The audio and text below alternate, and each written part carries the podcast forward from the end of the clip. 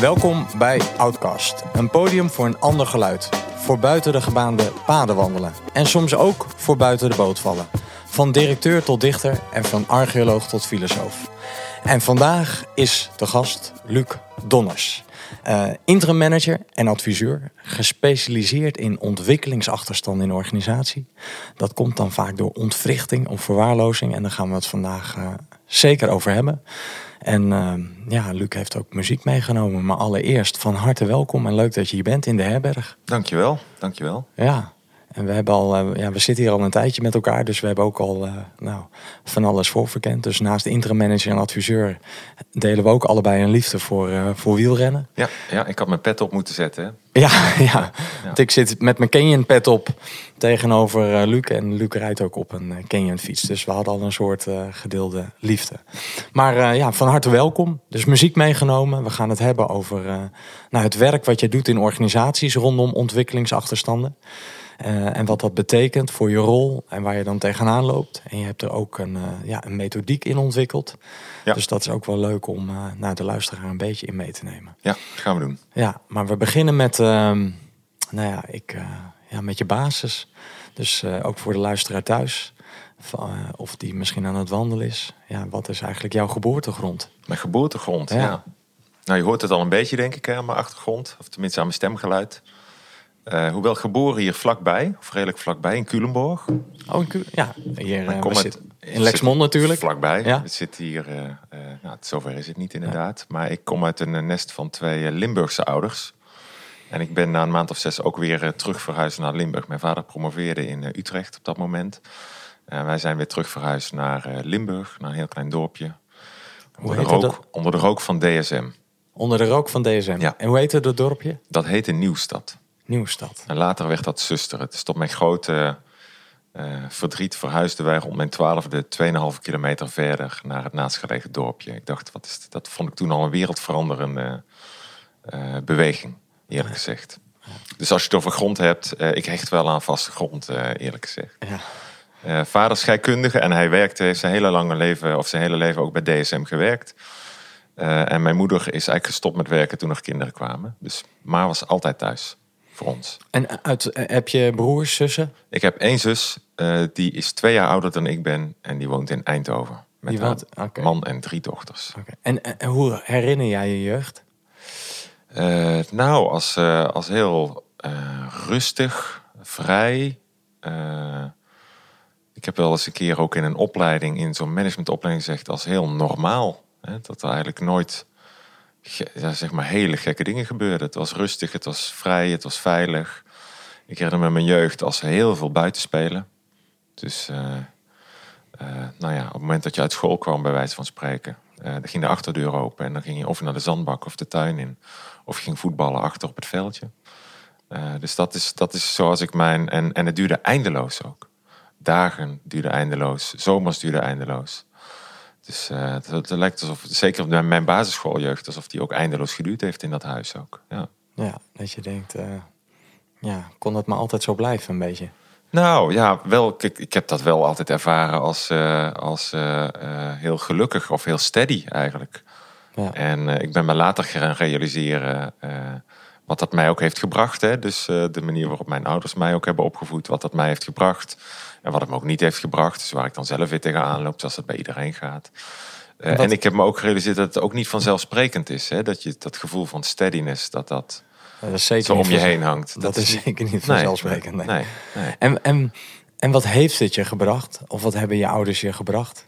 Nou, wat, wat bij ons thuis, tenminste zo heb ik het zelf ervaren. En zo kijk ik er ook later op terug. Um, um, de beetje de Nederlandse houding van uh, doe maar gewoon normaal. Hè. We, hoeven, ook zeker niet op te vallen uh, met elkaar. Uh, wat heel interessant is, is bij ons thuis, ik heb mijn ouders nooit ruzie zien maken. Nog steeds niet. Hè.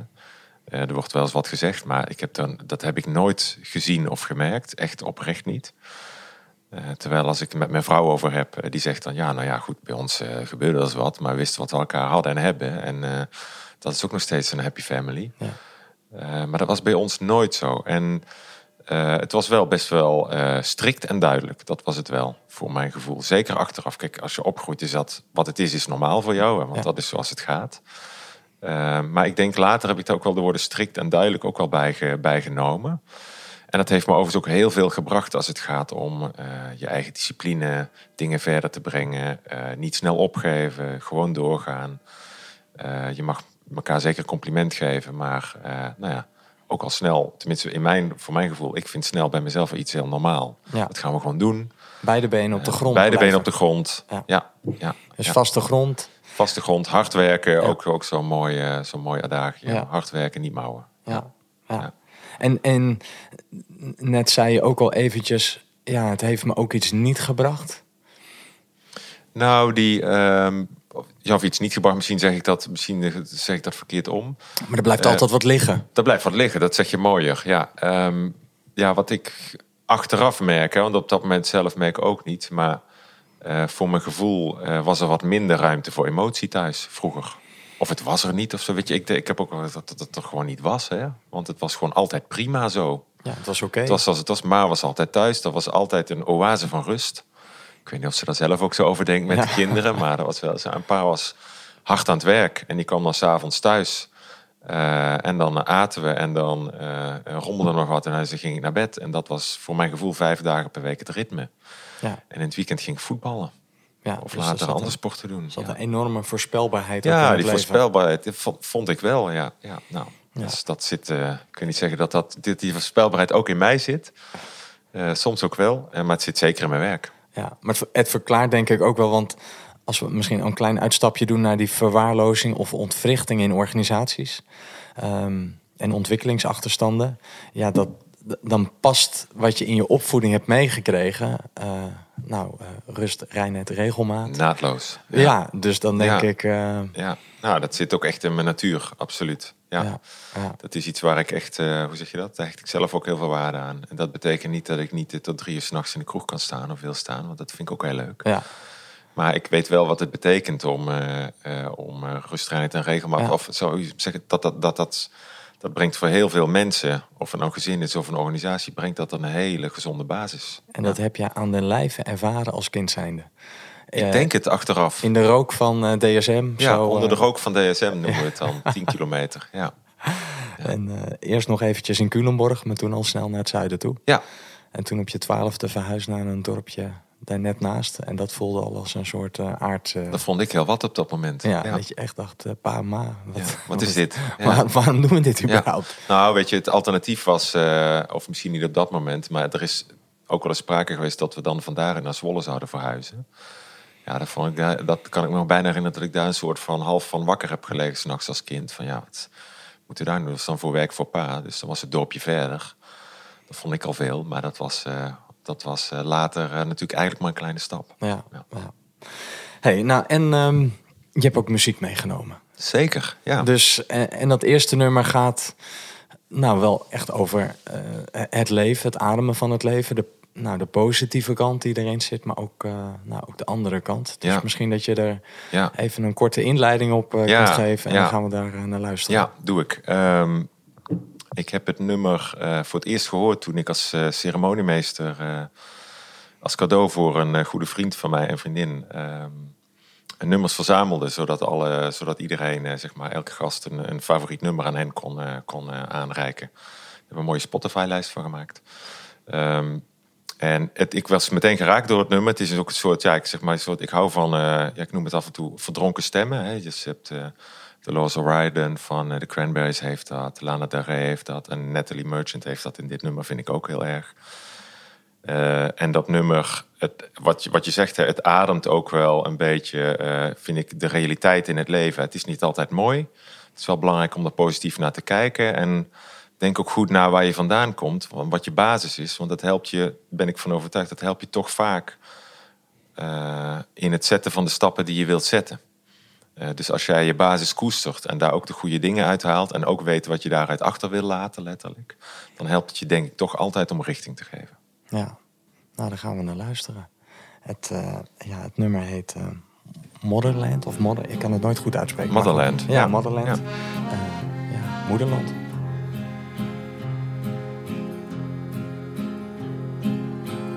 Where in hell can you go? Far from the things that you know. Far from the sprawl of concrete that keeps crawling its way. About a thousand miles a day. Take one last look behind. Commit this to memory and mind. Don't miss this wasteland, this terrible place when you leave. Keep your heart off your sleeve. Motherland, cradle me. Close my eyes, lullaby me to sleep. Keep me safe, lie with me, stay beside me, don't go. Don't you go.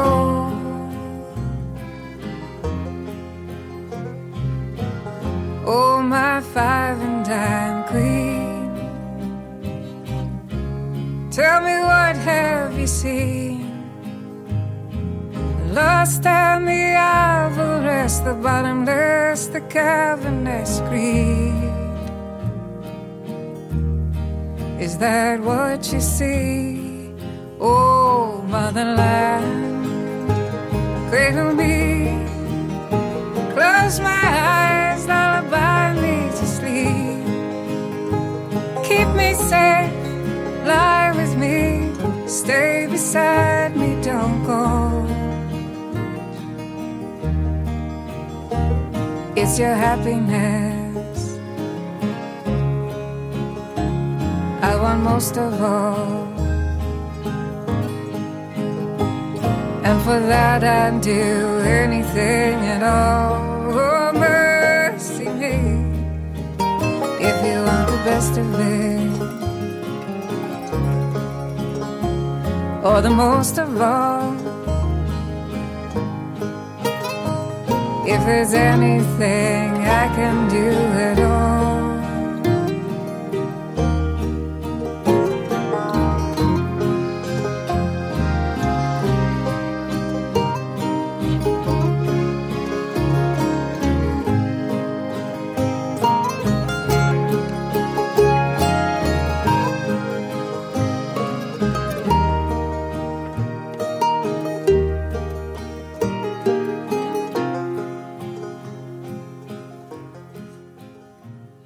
Nou, dat was dan eh, Natalie Merchant met Motherland. Zeker. Als je er zo naar luistert nog, raakte er dan nog iets anders in je als je, er zo, eh, als je zo naar de tekst luistert en de melodie? Nou ja, het raakt me elke keer weer het nummer. Ja, dat weet ik niet zo goed. eh, ik, vind het heel ik vind het ook heel melodieus. Dus het is, het, het is ook wel een beetje tragisch, hè? Wat je, is, het, het, het, het- hoe zeg je dat? Het sleept een beetje het nummer, hè? De traagheid, eh, of de traagheid van het leven. Ehm, ja, En, en, die, en die traagheid, of misschien wel ook die tragiek, die, die kom je ook wel eens tegen in organisaties. Dus ja, je bent op een gegeven moment ook dat vak ingerold van manager of adviseur of interim Ja. manager. ja. Hoe, hoe is dat eigenlijk zo ontstaan? Oh, dat is, eh, dat is in 2008 of 2009, weet ik niet meer precies uit mijn hoofd ontstaan. Ik was toen, eh, eh, had toen een directeur bedrijfsvoeringsrol bij de Nederlandse Zorgautoriteit. En deed toen een opleiding. Eh, en in die opleiding trad Joost Kampen op. En die, had toen, die was toen aan het promoveren op het concept van de verwaarloosde organisatie. En dat was zo raak. Ik dacht, hier zit ik middenin. En Maar- niet, niet midden in mijn werk, gewoon in mijn dagelijks werk. En dat was niets de nadelen van de mensen daar, want het was een hele leuke organisatie. Maar ik realiseerde mij dat ik daar dingen goed deed, per ongeluk, bewust wel. Eh, dingen helemaal verkeerd aanpakte, per ongeluk of bewust wel. Ehm, en die, die, eh, die sessies met, eh, met Joost Kampen gaven mij toen een soort handreiking voor wat ik dacht te zien wat er aan de hand was en ook wat ik daarin kon doen. Maar Was je toen ook al manager? Ja, ja toen, toen, ik was toen directeur bedrijfsvoering bij de Nederlandse Zorgautoriteit. En, ehm, maar ook nog best wel jong. Hè? Dus dat was, ik was toen nu was het 2008, 32 of zo, 33. Ehm, dus daar kijk ik nu ook alweer heel anders tegenaan tegen die tijd. En de interventies die ik toen deed en hoe ik ze deed. En, eh, en die theorie en ook die praktijk die hij daarmee uh, uh, dichterbij bracht. Ik dacht, ja, dat is waar ik middenin zit. En ik realiseerde me later ook dat de interventies en de manier waarop je de interventies kunt doen, mij als persoon heel, ja, eigenlijk heel goed liggen. Gezien je achtergrond. Makkelijk afgaan. Nou, daar hadden we het net over. Ja, dat is niet verwonderlijk. En dat ben ik later me dus pas gaan realiseren. Ja. Het is, uh, het is je op het lijf geschreven. Bij wijze van. Hè? Dus dat, dat, zo, zo zou je het kunnen, zo zou je het uh, terugkijkend zou je het zo kunnen zeggen. Ja. ja. ja. Maar toen ging dat uh, vuur eigenlijk in je branden van... ja, hier wil ik meer vanaf weten. En ja, het, het... ja, het werkte. Hè? Dus, dus ik, ik ben toen na gaan denken over die interventies... voor de eigen organisatie destijds. En ik merkte dat dat aansloeg, dat dat werkte. Dat ik daar ook bij het bestuur van toen de handen voor op elkaar kreeg en de steun kreeg. En we konden stappen zetten. Ik realiseerde me toen nog niet hoe lang dat en hoe taai zo'n herstel is. En ik was toen, nou, ik ben over het algemeen vrij geduldig, maar ik was toen toch nog wat ongeduldiger dan ik, dan ik uh, nu nog ben. Uh, ik vond het allemaal wel echt wel lang duren. Want op een gegeven moment zie je wel waar je naartoe beweegt. En je merkt gewoon dat die mensen maar niet sneller kunnen en je dacht soms ook willen. En dat gaat ook door elkaar.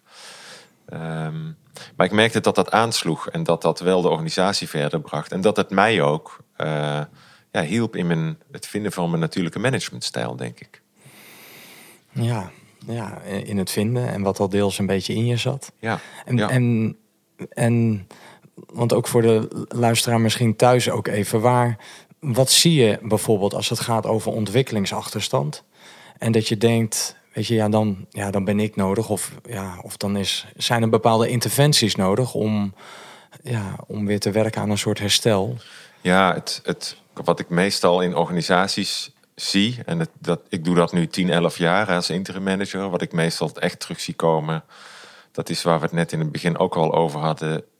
Het ontbreken van reinheid, rust en regelmaat. Of ik vertaal dat in organisaties naar voorspelbaarheid in de organisatie, transparantie en ook consistentie, dus consistentie van beleid of van de uitvoering van taken. En, consistentie en wat, van het gedrag van managers bijvoorbeeld. En, en wat zie je dan bijvoorbeeld? Welk gedrag zie je bijvoorbeeld? Dat jij nou, tot de conclusie komt, nou, er is hier sprake van een ontwikkelingsachterstand. Weet je, wat nou doen? ja, dat zal ik niet aan de hand van de conclusie van één, van, van één persoon of wat nee, dan ook. Kijk, het, het, probleem zit vaak in de top. Hè? Dus de top uh, en het management, daar begint vaak het vraagstuk. Terwijl managers je toch vaak inlenen om een vraagstuk ik zou zeggen, op de werkvloer op te lossen. En ze realiseren zich vaak niet dat zij onderdeel zijn of basis, de basis vormen eigenlijk van het vraagstuk en dus ook de basis vormen voor het herstel. En wat mij heel vaak opvalt in het, in het gedrag van managers is dat zij dus bijvoorbeeld uh, die voorspelbaarheid helemaal niet herkennen dat dat belangrijk is. Dus dat je duidelijk weet welke koers je vaart in de organisatie. Dat je duidelijk laat zien wat de organisatiecontext is. Uh, waar het naartoe moet met de organisaties. Dat je dat eenduidig kunt vertalen naar wat dat dan betekent. Voor het realiseren van je doelen. Voor het realiseren van... Uh, of, of, voor het, voor het, voor het, um, um, het, het goed kunnen uitvoeren van het werk door, door je collega's, door je medewerkers. Wat dat ook vraagt aan gedrag. Wat dat van jezelf vraagt aan gedrag. Ja. Um, die transparantie idem dito. Kijk, mensen zijn niet dom. Ik krijg geen, ik krijg domme mensen. Um, ieder heeft zo zijn kwaliteiten. En in de organisaties, of in organisaties, mensen kennen elkaar. Mensen praten over, over dingen. Mensen praten over de koers van de organisatie. Mensen praten ook over jou. Uh, mensen zien veel meer dan je denkt dat je ziet. Omdat jij degene bent die vaak, zal maar zeggen, een beetje afgesloten is van de realiteit in de organisatie. Dus ben transparant over wat je doet. Ben ja. transparant over hoe je dat doet.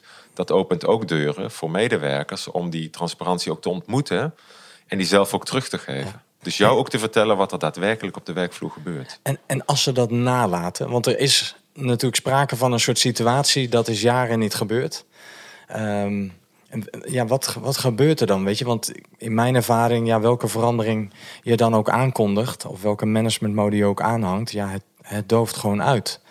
Dus wat, wat, ja. wat, wat, zie jij en wat je dan ook zo'n directie of management ook voorhoudt van ja jongens, er is hier sprake van ontwikkelingsachterstand. Ja, nou ik zoek, er is een reden waarom mensen het, het, het, eh, de, een manager op afstand houden of eh, dat de verbinding met het management er niet is. Dus ik zoek altijd wel gewoon naar die reden. En dat zijn toch vaak eh, dingen die in het verleden gebeurd zijn.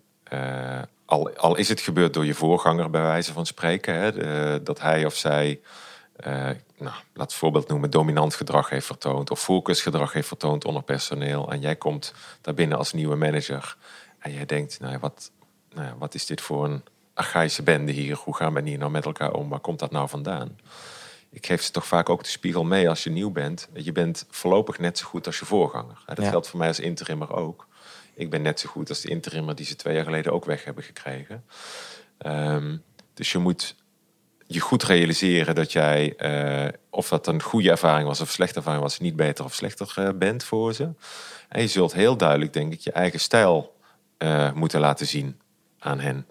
Ja. zodat zij ook langzaam, want het ontbreekt in die situaties vaak ook gewoon aan een gezonde basis van vertrouwen in de leiding. En ze moeten je weer leren vertrouwen. En dat, ik geloof er heilig in dat dat alleen maar kan als jij vasthoudt aan heel voorspelbaar zijn, daar ook heel transparant in en over zijn. En uh, een consistente lijn in beleid en uitvoering uh, durft te hanteren. Terwijl het soms ook heel pijnlijk kan zijn hè, om dat te moeten doen. Ja, ja. ja. Nou, ik vind het een, een fascinerend thema. nou, die verwaarlozing en die ontverrichting. En ook zo verdomd lastig, want ja, er is altijd weer druk om te vernieuwen en weer strategische ambities te formuleren. Weet je, in een, in een veranderende samenleving. Dus je krijgt bijna niet de kans om die rust te creëren, omdat er zoveel op het bordje ligt. Dus ja, ja hoe doe je dat om daar weer om dat ook een beetje af te houden? Ik merk het, dit merk ik heel sterk. Hè. Dus ik vraag ook heel vaak in de eerste gesprekken aan die leidinggevende waar die het vraag, waarmee we het vraagstuk verkennen: waarom ben je eigenlijk manager geworden? Uh, en heel vaak is de boventoon uh, doelstellingen van de organisatie, inhoud van de organisatie. Uh, maatschappelijk engagement, nou, noem maar op. Dus heel erg inhoudsgedreven. dat vind ik best bijzonder. Hè? Ik denk dat het heel mooi is omdat, om, om, um, en belangrijk is dat je de inhoud en het doel van de organisatie, dat je dat onderschrijft en dat je daar ook, um, dat je daar ook warm voor loopt. Hè? Um, kijk, je moet mij nooit bij Philip Morris neerzetten, bij wijze van spreken. Niet. Heb je niks mee? Uh, heb ik niks mee, behalve als we het zouden kunnen opheffen. Hè. Dus, ja. Maar goed, dat is ook voor iedereen anders. De staalfabriek um, in Namuiden. Lijkt me ook niet. Nee, hadden het vanochtend nog over. Lijkt me ook niet zo'n lijkt me ook niet zo'n lolletje. Behalve nou ja, als, we, als we ermee kunnen stoppen. Ja. Uh, dus je moet, natuurlijk moet je daar wel gevoel bij hebben. Tegelijkertijd, volgens mij is de rol van de manager eerst en vooral toch ook om ervoor te zorgen dat je mensen in de organisatie eh, in een gezond werkklimaat kunnen werken en daarin optimaal kunnen presteren en waar nodig is beter moeten gaan presteren. Ja, en dat je zegt het op een manier dat je zegt, ik kom dat niet altijd tegen. Dus over het dus- algemeen zijn mensen liever van de inhoud en het aanspreken dan wel coachen van mensen. Ja, dat, eh, nou ja, dat. dat nou, ik kom het vaak, ik, ik kom het vaak genoeg tegen. Hè? Dus dat ook, en maar dus ook dus en ze wijzen dan weer vaak naar de top of naar uh, het bestuur of naar aandeelhouders, noem maar op, want het is zo belangrijk dat. Ja, ik, ik, ik trek dat wel in twijfel. Ik denk als jij met een goede, met een goede mindset en met een goed gevoel voor, uh, voor de opgave van een organisatie of bedrijf, uh, en je kunt je daarmee identificeren, eh, dat je toch vooral moet richten op je managementtaken. Ja. Ja. En, niet, en niet te veel op de inhoud. Maar het wordt vaak zoveel inhoud van ze gevraagd, ook door de tafels boven hen, zo gezegd. Ja, dat, je er bijna niet uitkomt. Je komt, uh, dan gaan ze s'avonds tussen 8 en 9 gaan ze het personeel managen. Ja. ja. Dat zou ik dan precies omkeren. ja. Ik vind eigenlijk altijd in de topsport eh, zie je altijd zo mooi hoe dat radicaal is omgedraaid. Weet je, dat de directie zit op de tribune. Weet je, als er wordt gespeeld, daar voel je gewoon van, nou, het product staat elke week op het veld. En wij zijn allemaal ondersteunend, zodat zij goed nou, in het primaire proces kunnen presteren. Maar dat dat in organisaties ja. vooral naar boven gerichtheid is ontstaan. Bijna soms een soort feodaal systeem. De loyaliteit naar, uh, naar, naar de baas toe en zijn agenda en zijn reputatie. Ja. Ja, mooi gezegd. ja. Nou ja. Hey, um, en af en toe om een beetje los te breken uit, uh, nou weet je, als je zo diep in, dat, in die ontwrichting en die verwaarlozing zit om dat aan te pakken, ja, heb je ook vrienden nodig. Uh, Zeker. Uh, dus het volgende nummer, dat gaat wel over vriendschap. Weet je, ja, de, ja, dat hebben we allemaal, denk ik, nodig. Maar ja, het houdt je ook licht en fris. Ja. Dus, Zeker, ja. Kijk, wat, dat is voor mij heel belangrijk. Hè? Dus ook daar, eh, dat is voor mij ook vaste grond. Ik heb een paar hele goede vrienden. En het nummer dat zo komt, dat gaat helemaal niet over vriendschap. Eh, maar voor mij symboliseert dat wel vriendschap. Ehm, en dat nummer doet mij denken aan een roadtrip die we gemaakt hebben in 2014. Een van ons woonde toen in South Carolina in de VS. En we hebben daar toen eh, zes dagen of een week hebben wij daar rondgetrokken. Geleid door hem.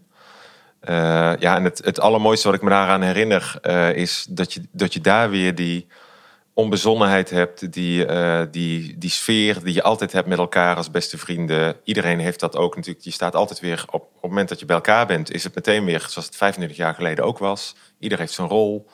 Die onbevangenheid, dat plezier, dat is voor mij zo belangrijk.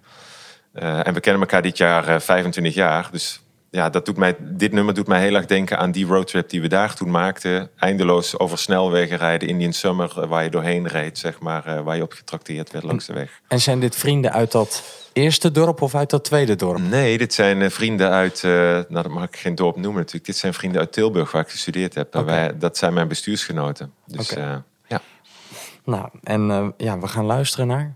Bruce Springsteen met I'm on Fire.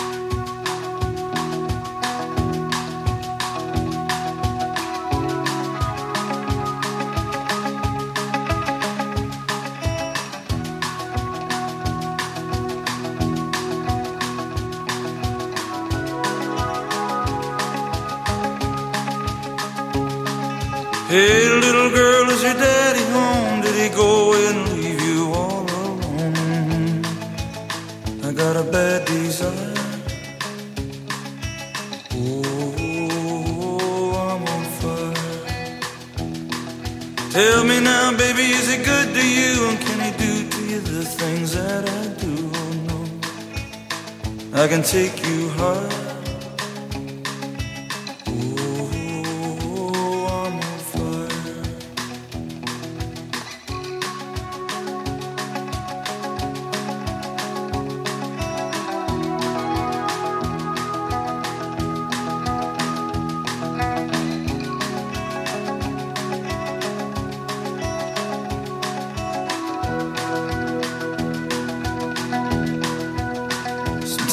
Like someone took a knife, baby, edgy and dull, and cut a six inch valley through the middle of my skull. At night, I wake up with the sheets soaking wet and a freight train running through the middle of my head. Only you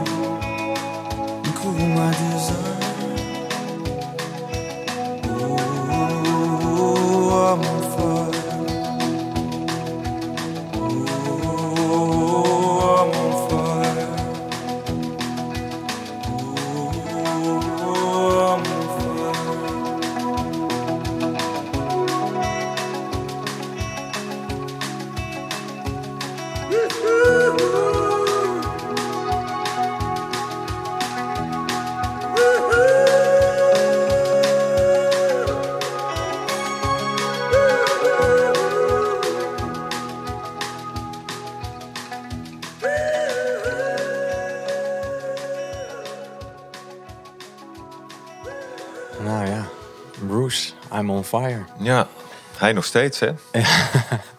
En, en wie niet dan? Nee, hij gaat maar door, bedoel ik. Nee, nee, die Eh, vent is hij ongelooflijk. tegen de 70 of hij is al Nee, 70. ja, Ja, het is echt... eh, ja. ja. wat een vent en is wat een artiest. Ja. ja, het is een heel dierbaar nummer dit. eh, waar we het net over hadden ook. Ja, Ja, door die vriendschap, die absoluut. roadtrip Ja, in South Carolina. En nou, kijk, die bijnaam van Bruce is natuurlijk nou, de bos. Dus ik denk, nou, dat past ook wel een beetje bij ja, de, de rol die je weer te vervullen hebt. Ja, niet als de baas van eh Gijs Zult, maar wel weer een betrouwbare baas zijn. Ja.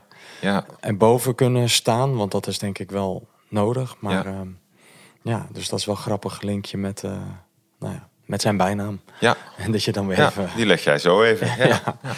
Hey, en eh, in dat werk, want volgens mij doe je dat werk nu zo'n...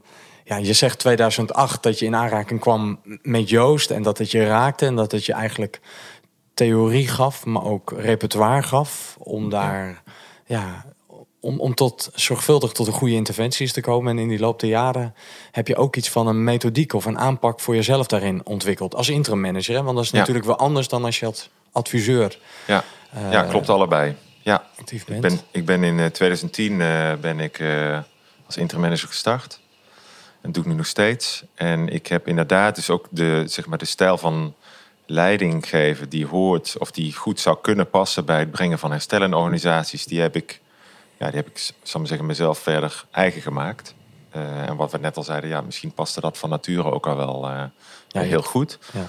Ehm, en ik heb eh, in 2018, 2019 me gerealiseerd dat ik eigenlijk steeds hetzelfde doe op het moment dat ik ergens binnenkom. En dat ik datzelfde eigenlijk nog steeds doe tot aan de afronding van een opdracht ook. En toen dacht ik, nou, volgens mij moet ik daar eens wat meer structuur in aanbrengen.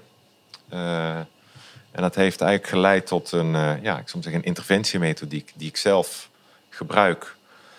Eh, die ik ook best wel gedetailleerd heb uitgewerkt voor mezelf.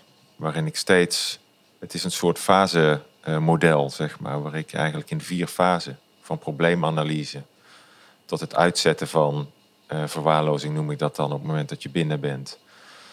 Eh, het navigeren naar ehm, ja, wat zou nou de goede interventiestrategie zijn, tot aan het toepassen en het weer vertrekken in de organisatie. Ehm, en daarin heb ik eh, ja, zeg maar heel scherp aangegeven voor mezelf wat zijn aandachtspunten die ik altijd moet toetsen. Ja, Wat zijn soort- interventiemogelijkheden die ik in die fase altijd moet overwegen? Het helpt je eigenlijk om alert te blijven. Van hier moet ik scherp op zijn dat Ja. ik hier goed op let en Ja. dit goed op orde heb. Ja, ja. Qua- En, En- dat, is, dat, en dat heb ik ontwikkeld en dat heb ik, ja, dat heb ik in een methodiek gegoten. En die gebruik ik dus in mijn werk. En in eh, een masterclass bijvoorbeeld ook. ja. Ja. En als we kort even die fases zo langs gaan, hè? want je zegt die eerste fase dat is een soort eh, probleemanalyse. Ja, En ja, ik, ik vind dat zelf ook altijd een zoektocht. Hoe, hoe diagnosticeer je goed? En dat je wellicht ook niet te snel misschien tot de conclusie komt. Weet je, ja, ja, hoe, doe je, ja, hoe, hoe doe Ja, je dat goed, die ja. eerste fase? Eh, ja, het is inderdaad niet te snel tot conclusie komen. Want ik vergelijk het ook wel eens eh, met een, eh, een wielrenner, een sprinter die te vroeg aangaat. Hè? En dan uiteindelijk het hele peloton over zich heen krijgt. Ja. Dan moet je, je moet heel goed timen. Ja, Maar een van de lessen die ik daarin heel erg geleerd heb, is dat op het moment dat je voor het eerst in contact bent met een potentieel opdrachtgever, of dat nou aan de telefoon is of per mail of noem dan ook, dan begint eigenlijk mijn intake. Dus dan is het nog geen opdracht. Eh, maar dan let ik wel op hoe gaat dit nou? Hoe word je ontvangen? Hoe word je gebeld? Eh, is het proces een beetje rommelig, ordentelijk? Het zegt vaak al heel veel. Op het moment dat je voor het eerst op gesprek gaat en ergens binnenkomt, ik zeg altijd tegen mensen, gebruik je zintuigen. Kijk nou gewoon eens, hoe, hoe is het hier? Is het netjes? Is het rommelig? Hoe word je ontvangen? Moet je lang wachten? Wordt daar dan nog iets over gezegd? hoe ruikt het hier? Hoe smaakt de koffie? Letterlijk. Is het, nou, het er letterlijk aan eh, zijn. Het is niet zo dat ik elke keer een toilet bezoek om even te kijken hoe het daar is. Maar nee, nee, maar het zegt waar wel je, iets. hoe je binnenkomt, waar je binnenkomt, Ja. let gewoon goed op. Eh, het zegt vaak iets over wat mensen belangrijk vinden in deze organisatie. En het zegt vaak ook iets over eh, de persoonlijke interactie tussen mensen. Ja, Eh, en hoe belangrijk ze dat vinden. ja. Eh, dus gebruik je zintuigen, zeg ik altijd. Eh. En die eerste fase van probleemanalyse, die bestaat bij mij dus eigenlijk uit, uit twee elementen. De intake zelf. En op het moment dat je start, je diagnose. Waarin, je dus, waarin ik meestal zoveel mogelijk gesprekken voer. Zoveel mogelijk lees. Zoveel mogelijk context tot me neem. ja. Eh, dat is geen 100 dagen analyse, hè, wat je vaak al hoort. Je moet Ja. het in 100 dagen doen. Dus die diagnose vormt zich. En die blijft zich ook wel vormen totdat je aan je structurele interventies doorgaat, eh, toekomt.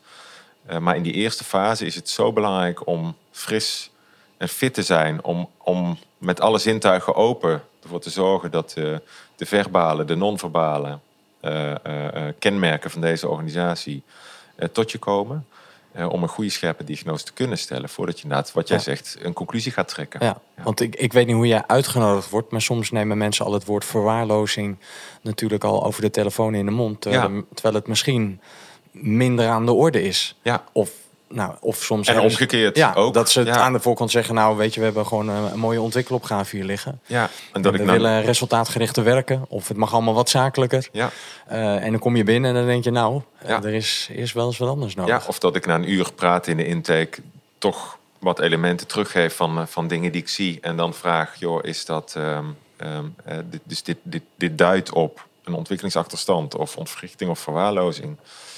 En het komt dan ook wel voor dat eh, potentiële opdrachtgevers dan nog aangeven, nou ja, dat, dat denk ik niet in mijn organisatie. En dan hebben we soms ook het gesprek over wat ik denk dat zijn of haar rol daarin is. Ja. Meteen aan de voorkant, Ja. maar al. Ja. En dat leidt er dus soms ook toe dat de deur weer dicht gaat. Ja, Ja, het en dat is eh, oké. ja, we gaan met iemand anders verder. Ja. Eh, verschil van mening of verschil dat van visie. hè? Verschil van inzicht is uitstekend zelfs. Ja, ja, ja. Hey, en, Dus- en, en, ja, ja, dus dat is blok 1. Hè? Ja. Dus zeg maar, dat is eigenlijk je eerste fase. Eh, want volgens mij ben je benieuwd naar fase 2. Nou, ja, eh, wel een beetje. Want Ja. ik denk, ja, die heb je die fase 1 achter de rug. En op een gegeven moment, ja, dan, ja, dan kom je voorzichtig tot ook dat je denkt, ja, deze interventies zijn hier nodig. En ik, ik werd wel getriggerd. Jij gebruikte een, een, een zinnetje, kleine vossen bederven de wijngaard. Ja, Dus dat, die vond ik wel grappig. ja, ja Dus dat is een uitdrukking is dat. Nou, dat, dat komt in fase 2, zeg maar. En die, over, over, die fase die overlappen wat. Hè? Want met die diagnose, ondertussen ben je gewoon op de werkvloer, ben je bezig. En je bent al aanwezig. Je bent Dus- al aanwezig. Dus je doet al een interventie. En wat daar heel belangrijk is, eh, denk ik twee dingen. Eén, eh, realiseer je vanaf dag één dat mensen naar jou kijken als interimmer, als interventie. Ja. Want je komt nooit helemaal op de winkel passen. Al is je opgave, je komt op de winkel passen, je zult altijd weer iets van accent leggen. Want je Ja. bent nou eenmaal anders dan degene die je vervangt. Eh, maar vaak heb je gewoon een opdracht. Eh, ik heb wel geleerd om daar heel transparant over te zijn wat die opdracht is. Zonder blikken of blozen. Dat is niet altijd makkelijk, maar daarmee kun je wel meteen overbrengen wat jouw stijl is. En jouw stijl is, ik ga jou niet voor verrassingen stellen. Ik ben heel voorspelbaar. Mijn en ik ga geen is verstoppertje spelen. geen over... verstoppertje, ik ben transparant. En dit is mijn opdracht. Heel consistent, die gaan we ook heel consistent uitvoeren. Met elkaar en soms niet met elkaar. Want soms moet ik gewoon beslissingen nemen daarin. Ja. En die kleine vossen bederven de wijngaard. Dat, daarmee duid ik eigenlijk aan dat het van belang is dat je... Kijk, het zijn vaak hele kleine dingetjes die uiteindelijk zorgen voor hele grote negatieve effecten. En heb je daar een mooi voorbeeld van? Dat je zegt, nou dat kwam ik recent tegen. Dat is zoiets waar je ook makkelijk voor kunt wegkijken voor die kleine vos. Ja, dus eh, eh, makkelijk voor kunnen wegkijken. Eh, mensen die twee pennen tegelijk pakken uit, een, eh, uit, uit de facilitaire hoek in een organisatie, bij wijze van spreken. Ik, ik- een beetje gechargeerd misschien. Ja. Nou, laat het er drie zijn. Of met twee notitieblokken lopen. En het is ook nog net begin juli, zeg maar. En dan nog een schaar bij pakken. Ja. Ehm, ja, die heb je meestal in die fase van, eh, van het jaar. eh, eh, heb je die niet per se nodig op kantoor, zou ik zeggen. Tenminste, niet twee blokken tegelijk. Wat je vaak ziet in de zomerperiode is dat de facilitaire dienst je toch wat vaker meldt dat de voorraden meer moeten worden aangevuld. Omdat eh, ehm, eh, dat soort facilitaire middelen, zal ik maar zeggen, ook op de camping heel goed van pas kunnen komen. Ja. Meegemaakt, hè, dus dat gebeurt, gebeurt bijna overal. Maar zeg je, als je het ziet en je zegt er niets van, ehm, dan is het voor zo iemand waarschijnlijk al normaal, want dat doet hij of zij elk jaar. Dat komt gewoon voor.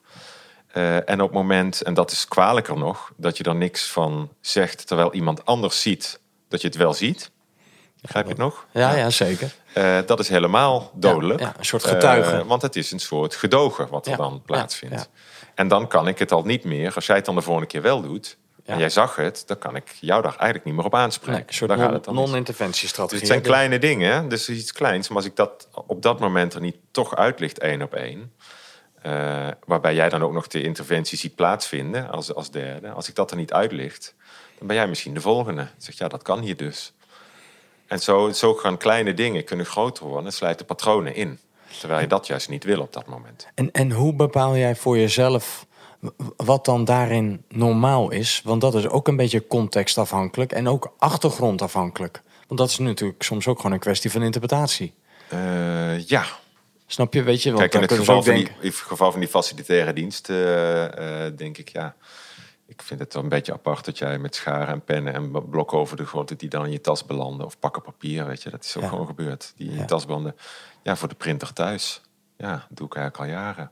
Nou, dat vind, dat, maar dat is, dat is mijn eigen norm. Dat vind ik niet normaal. Maar ik ben op dat moment degene die de norm moet zetten. Dus ja, dat is misschien ook wel een soort subjectieve norma, eh, normativiteit. Ja, want het Dat klinkt altijd... kunnen. Anders word je bijna een soort Louis van Gaal-achtig Ja. type van... eh, ja, mijn Nou. wet is de wet en daar is nul discussie op mogelijk. Kijk, wat ik niet zal doen, is dan zeggen vanaf nu iedereen die een blok wil bij mij melden. Dat ga ik natuurlijk niet doen. Want je moet gewoon met gezond verstand, als jij een blok, een notitieblok, we houden het even bij die notitieblok. Ja. Als jij die nodig hebt, moet je die gewoon pakken. Hè? Die ligt er gewoon voor je werk. Dus de basis is vertrouwen. Ja. Ehm, maar je moet ook soms de organisatie weer leren dat het ook, daar zit een wederkerigheid in. Ja. Hè, als die notitieblok vol is, pak je nieuwe. Ja. Eh, niet als je denkt eh, dat je kinderen nog eh, schrijfmateriaal Ja. nodig hebben. Het spijt me. Ja. Nou ja, genoeg denk ik over de notitieblokken die achterover worden gedrukt. Maar Zo het is, is een, het. een mooi voorbeeld die past bij... Dat zijn kleine vossen die de wijngaard kunnen bederven. En die ook wel passen bij de, nou, die fase van het, ja, het uitzetten. Of eigenlijk ook het stoppen van... Nou, in ieder geval het bespreekbaar maken van dit valt me op. En Ja. daar heb ik een norm op. Nou ja, je eerste gedrag als je binnenkomt is essentieel. Hè? Dus als je daarin eh, laat zien dat je daarin eh, eh, heel duidelijk aangeeft wat normaal is, dan gaan mensen daar op een gegeven moment kunnen ze daar ook aan wennen. En je moet ook heel duidelijk zijn in die fase in het managen van verwachtingen. Hè? Dus als je bijvoorbeeld een bestuur boven je hebt zitten, die denken, oké, er komt nu iemand interveneren. Hè? We zijn snel weer op het niveau waarop we zaten, et cetera. Maar helaas is meestal de boodschap dat het eerst nog even wat achteruit zal kukelen.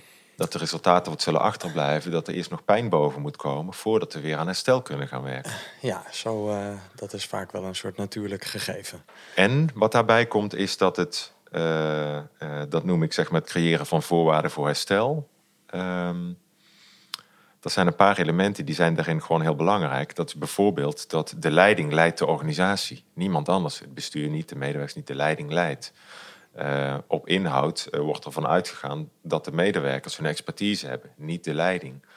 Ehm, we volgen altijd de hiërarchische lijn eh, in besluitvorming. We gaan niet om de lijn heen.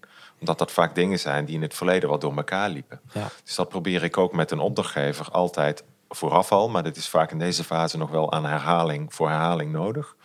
Ehm, probeer ik altijd nog wel een keer te markeren met ze. Dat als wij nu dit traject echt ingaan en we zien nu de mate van ontwrichting of eh, ontwikkelingsachterstand, dan zijn dit wel punten ook hoe wij ons tot elkaar moeten gaan verhouden als opdrachtgever en zeg maar aannemer. Ja, je, het is een soort eh, contractering. Of een soort kleur bekennen op Ja. wat zijn de onderlinge verhoudingen. En dit Ja. is mijn perspectief erop. Dus heb- hebben jullie daar een ander beeld bij?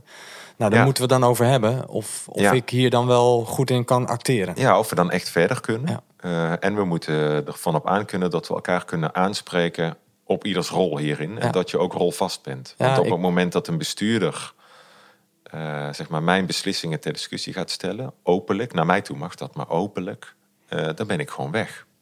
En op het moment dat je een verwaarloosde organisatie hebt, er zijn krachten in die organisatie die dat of proberen op te zoeken. Hè, dus eh, die dat weer proberen onder druk te zetten, die verhouding tussen opdrachtgever en, en, en in dit geval de interim manager. Eh, of die daar van nature naar zoeken. In het verleden was het heel normaal dat ze naar de bestuurder gingen. Eh, dus nu wordt dat in één keer afgesneden. Nou, die zullen echt nog wel een paar keer komen. Ook niet uit onwil, maar ze gaan nog een paar keer omdat het normaal was. Nou, en ook zelfbehoud. Zelfbehoud zit er ook bij. Ja. Dus daar moet ook een bestuurder dan heel rolvast in zijn. Om mij de ruimte te kunnen geven om, om, ja, om effectief te kunnen acteren Ja. met de collega's. Ja.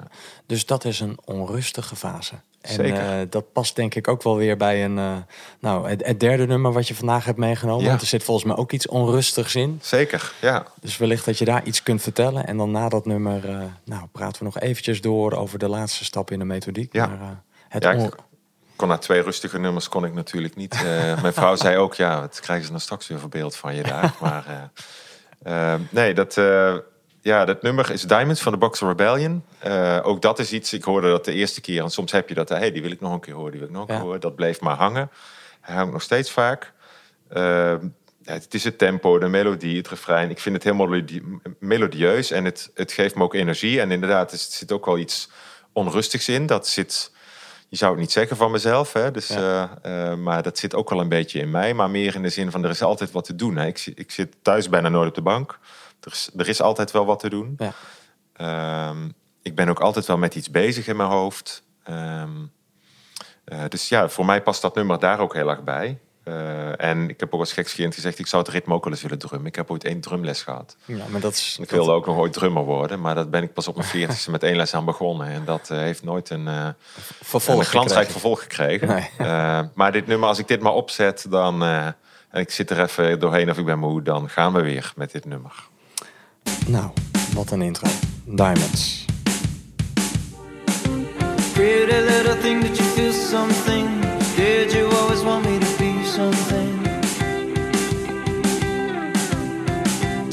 broken heart from a devil of shallow nonsense.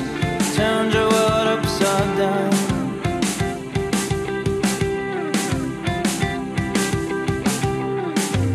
Whatever said didn't mean something. What I ever said didn't mean nothing. And it'll look the part when it's all said and done. When it's all said and done.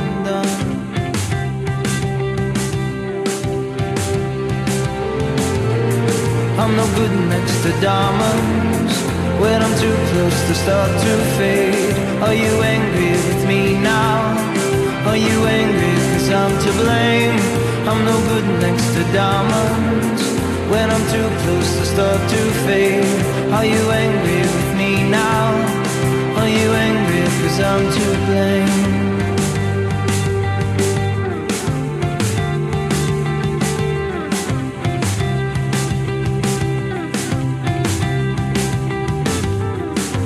Never wanna hide the truth from you. Just hang my head what I put you through.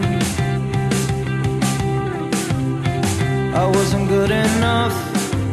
When what's done is done, love. When it's all said and done. But I'm no good next to diamonds. When I'm too close to start to fade. Are you angry me now? Are you angry cause I'm to blame? Cause I'm far away, further than I ever was,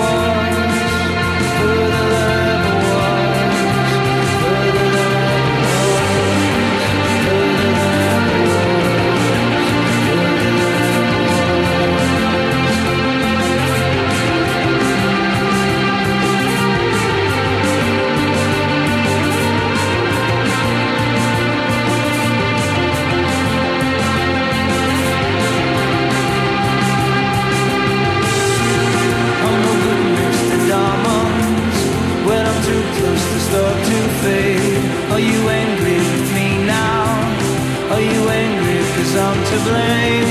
I'm no good next to diamonds when I'm too close to start to fade. Are you angry with me now? Are you angry cause I'm to blame?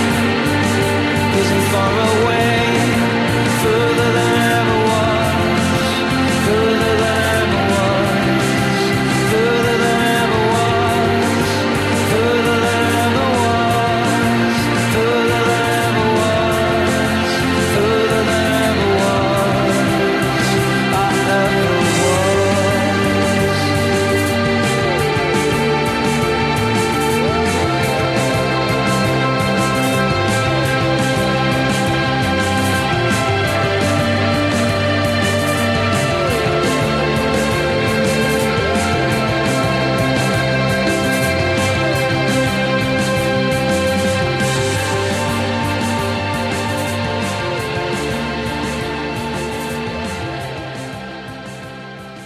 Diamonds, de Boxer Re- Rebellion. Eh, ja, ik zit echt te genieten. Dus Nou, dit is mooi. Wel, ja, eh, dat is goed. Moet je ze live zien, joh. Dat is nog mooier. ja, ik denk wauw. Het zit ook een beetje Coldplay-achtig. Ja, eh, nee, het komt zo over je heen live. Ja. Dat is echt briljant. Ja. Dus ik, nou, dat onrustige, maar ook wel, nou, er zit wel echt een lekker uptempo. je wordt wel, nou, het overspoelt je. En ik, ik, ik zat nog zo te luisteren naar die zinnetjes, hè. Zoals I'm on fire. Ehm, are you envy now because I am to blame? Dus in zo'n interim rol krijg je natuurlijk ook snel bla- de blaming game. Ja. Hè? Dus dat, weet je, ja, je bent toch bedreigend als Ja. je binnenkomt. Terwijl je, ja, je wilt veiligheid, rust creëren, maar ja, ja, je breekt met Ja. wat mensen daarvoor eh, gewend zijn om te doen. En ja. Ja. die fases die je onderscheidt, probleemanalyse, eigenlijk het, het, ja, het stoppen, het normaliseren weer. Ehm, nou, die hebben we eigenlijk net achter de rug gehad. Maar ik denk, ja, dat zijn ook wel fasen waarin de fire, nou, het vuur je aan de schenen wordt gelegd. Ja, zeker. En ook daar is het denk ik belangrijk te accepteren dat dat er is. Hè? Eh, dat ook te benoemen. En overigens ook daar meteen grenzen te stellen. hè. Ik heb daar heel veel begrip voor dat mensen eh, mij als kwaaie pier zien. Ook op een moment, zeker als we, het, eh, als we het ook over de volgende fase hebben. Je gaat op een gegeven moment echt interventies ontwerpen om de organisatie te doen herstellen. En dat heeft vaak toch ook consequenties voor personeel. Ja, Eh, dat is, ik snap ook heel goed dat daar emoties bij komen. Dat, dat, is dat is prima. niet een applausmachine. Nee, vaak niet. Nee. Nee. ja, ja, of voor sommigen wel, voor anderen niet. Eh, maar daar is één adagium en dat is... ehm, eh, ik weet dat Kees Ploegsma ooit over Guus Hiddink heeft gezegd... niemand is groter dan de club. Hè, anders zegt het organisatiebelang gaat altijd voor. Het kan nooit van één iemand afhankelijk zijn of blijven. Niet van de directeur, niet van een dominante senior adviseur of wat dan ook. We bouwen niets om mensen heen. We bouwen een organisatie en dat construct moet goed werken. En daar moet je, als, daar moet je in passen als individu.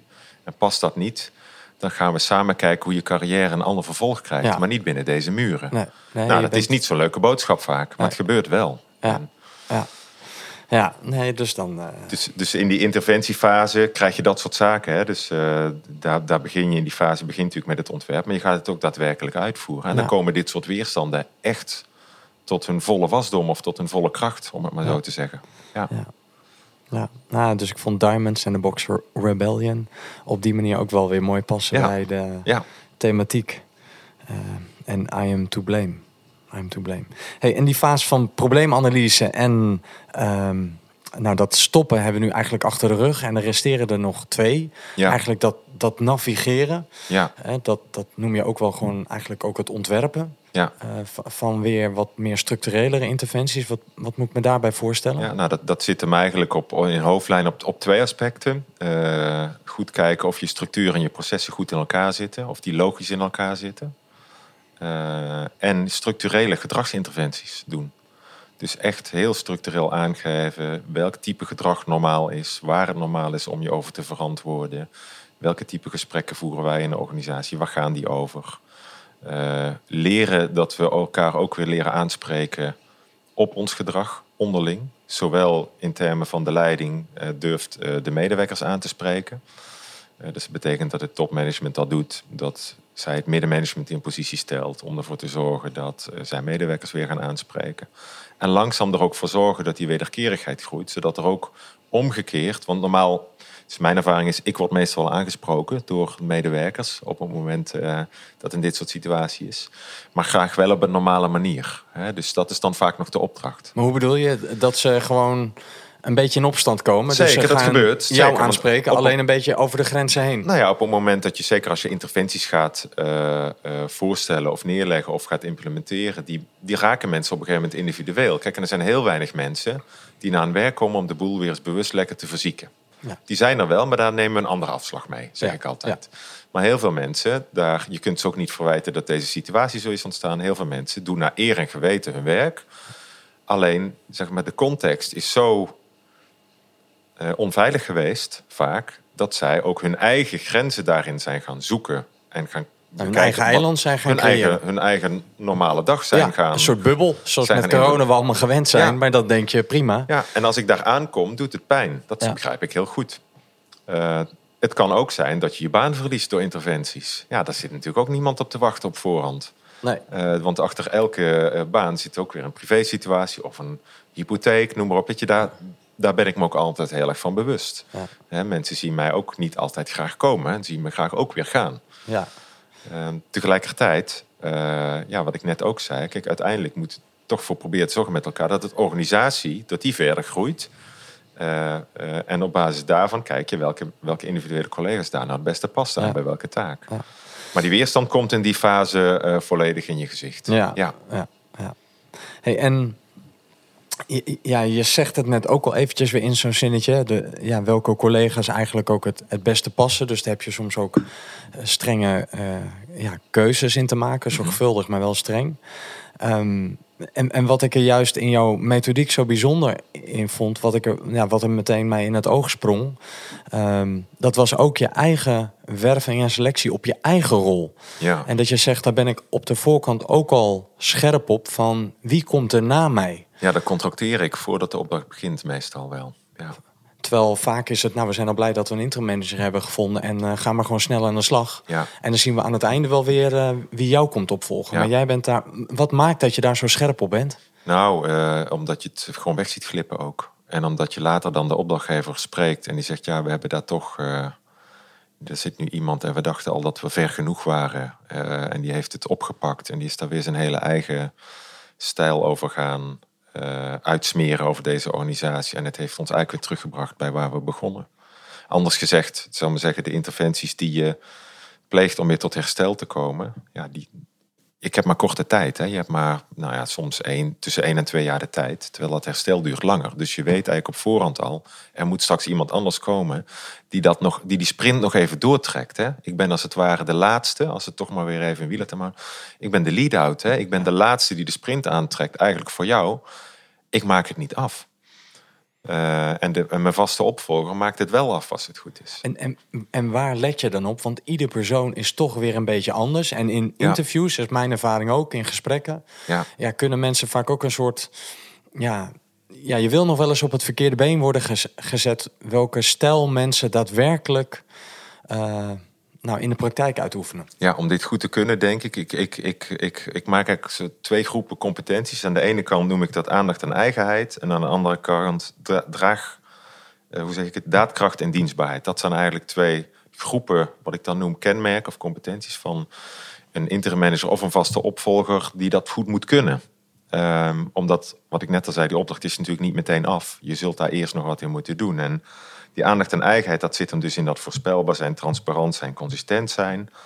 Het is heel belangrijk dat je kunt ontwarren in een verwaarloosde organisatie. Dus dat je letterlijk kunt vereenvoudigen, omdat je soms ook gewoon het bos ingestuurd wordt. Ja. Dus maak dingen klein, maak ze hanteerbaar. Denk, blijf logisch nadenken.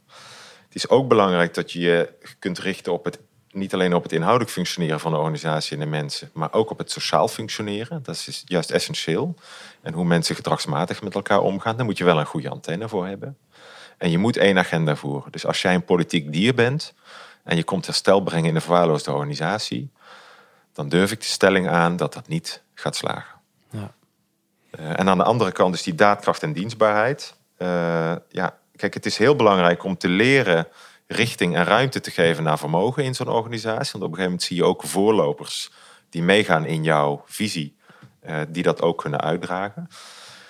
Daar tegenover staat, tegenover ruimte geven, staat ook wel dat kijk, je, mensen mogen ook gewoon, ze worden over het algemeen prima betaald. Eh, dus dat brengt ook rekenschap met zich mee. Ze mogen, je, ja, je mag verantwoording afleggen over wat je aan het doen bent. Dat is heel normaal. Ja. Eh, daar moet je ook niet voor weglopen, ook als leidinggevende niet. Nou, wat ik net al zei, dat organisatiebelang staat voorop. En wat ook heel belangrijk is, is denk ik dat je geduld hebt.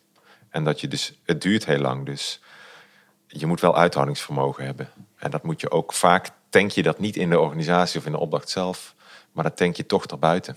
Ja, in vriendschappen, in roadtrips, op de fiets. Op de fiets. Dus zorg er ook voor dat je, want dat is belangrijk denk ik ook, dat je daarin ook altijd in balans bent. Ja, En dat vraag ik dus ook, want ik, tegenwoordig, zal ik maar zeggen, zit ik wel altijd in de selectieprocedure van de opvolger. het is ook bijzonder, want vaak is het zo, nou, eh, eh, tot ziens, beste Ja. interim manager. Ja. En eh, ja, Ja. daar ga jij niet over. En dat eh, Exact. bepalen we zelf wel. Ja, nou ja, of dan zeggen ze dat doe je omdat jij dan nog eh, dat kunt beïnvloeden of nog een half jaar langer kunt blijven. Ja. En dan zeg ik dat zou de uitkomst kunnen zijn. Ja. Maar dat is niet het doel. Nee, het is niet een commercieel doel. Ik doe het omdat Nee. ik ook dienstbaar ben aan het ontwikkelingsproces wat hier is eh, Ja, ingezet. en wat hierna nog volgt. Hè? Ja. Dus eh, daar moet echt een goed iemand komen. En, en ik heb te vaak, eh, ben ik erin in de valkuil gestapt dat niet te doen. En heb ik het achteraf, zeg maar, toch zien wegzakken weer. Ja. Ja. Ja, nou, ik herken dat vanuit mijn eigen rol als adviseur. Al- Althans, dat je ook denkt, nou, je bent voor een tijdje verbonden eraan. En dan, ja, dan stopt het toch te snel. Of dan eh, komt er weer een nieuwe managementmodel Ja. langs zij. Of Ja. een ander adviesbureau. Ja. En dan, eh, ja, dan kom je een half jaar of een jaar later terug. En dan denk je, ja, wat zonde. En dan zeg je, Ja. het was, we hadden toen een goede beweging ingezet. En eh, ja, daarna kwamen er weer andere prio's. Ja, dus, dus de timing van je vertrek is, is essentieel. Ga niet te vroeg weg. Dat is belangrijk. En ook dat kan ik iedereen aanraden. Probeer dat al bij je intake, voordat je een handtekening hebt gezet. Probeer het daarover te hebben met elkaar. Ja. Nou, eh, en dit is dan die laatste fase. Eh, en ook de laatste fase in ons gesprek. Dus nog even kort, hè, de, die methodiek van probleemanalyse, het stoppen. Fase 2, het navigeren, fase 3. En dan, ja, jij, jij noemt fase 4 volgens mij het toepassen. Maar dat is echt ook gericht op goed borgen. Ja, dus het toepassen is, eh, je gaat daar natuurlijk je, je interventiestrategie ga je uitrollen, die ga je toepassen. Eh, maar de toepassing ga je ook overdragen. Ja. Dus je, je, je gaat kijken naar een vaste opvolger of opvolgster. En ik vind het ook belangrijk dat je beschikbaar blijft achteraf. Ja. Het is niet meer in beeld, maar je moet me wel altijd kunnen bellen om nog wat zaken te kunnen duiden. Eh, en zo'n periode kan gerust een jaar duren, is mijn ervaring. Maar op de achtergrond op ad hoc basis Ja, beschikbaar zijn voor je opvolger of voor de bestuurder. Als hulplijn, hè? Ja, Net zoals in dat mooie programma Weekend Millionaires. Dat je dan nog even wat eh, keuzemenu's hebt. ja, alleen dan wordt het geen 50-50. eh, Nee, keuze. zeker niet. Nee. Precies, precies. Nou, hey, ja, voor nu, eh dankjewel voor dit ja, boeiende gesprek over jouw mens zijn. hoe jij onder de rook van DSM bent opgegroeid. Wat je van je ouders eigenlijk van huis uit al hebt eh, meegekregen. Rondom vaste grond, rondom striktheid, discipline, rust. Ehm, nou, en de muziek die je onder je arm hebt meegenomen. Van eh, nou, verdronken stemmen eh, tot eh, I'm on Fire en roadtrips. En het onrustige drummen. Ehm, nou ja, weet je, dus dit gesprek drumt dan ook wel een beetje na. Dat ik denk, ja, dit is boeiende thematiek. En leuk om ja, zo met je in gesprek te zijn over hoe je je rol en je vak als interim manager invult als het gaat over verwaarlozing of eh, ontwrichting. Dus eh, ja, enorm bedankt dat je te gast wilde zijn. Ja, jij bedankt. Ja, en eh, nou ja, we gaan weer vrolijk de dag in. Het zonnetje schijnt. Dus ja, ik heb geen afsluitend nummer meer. Dus ik denk, ik, I'm on fire. Dus de roadtrip gaan we nu gewoon weer verder voortzetten. En eh, thuis of al wandelend in het bos of op de fiets. eh, enorm bedankt voor het luisteren. En tot de volgende keer.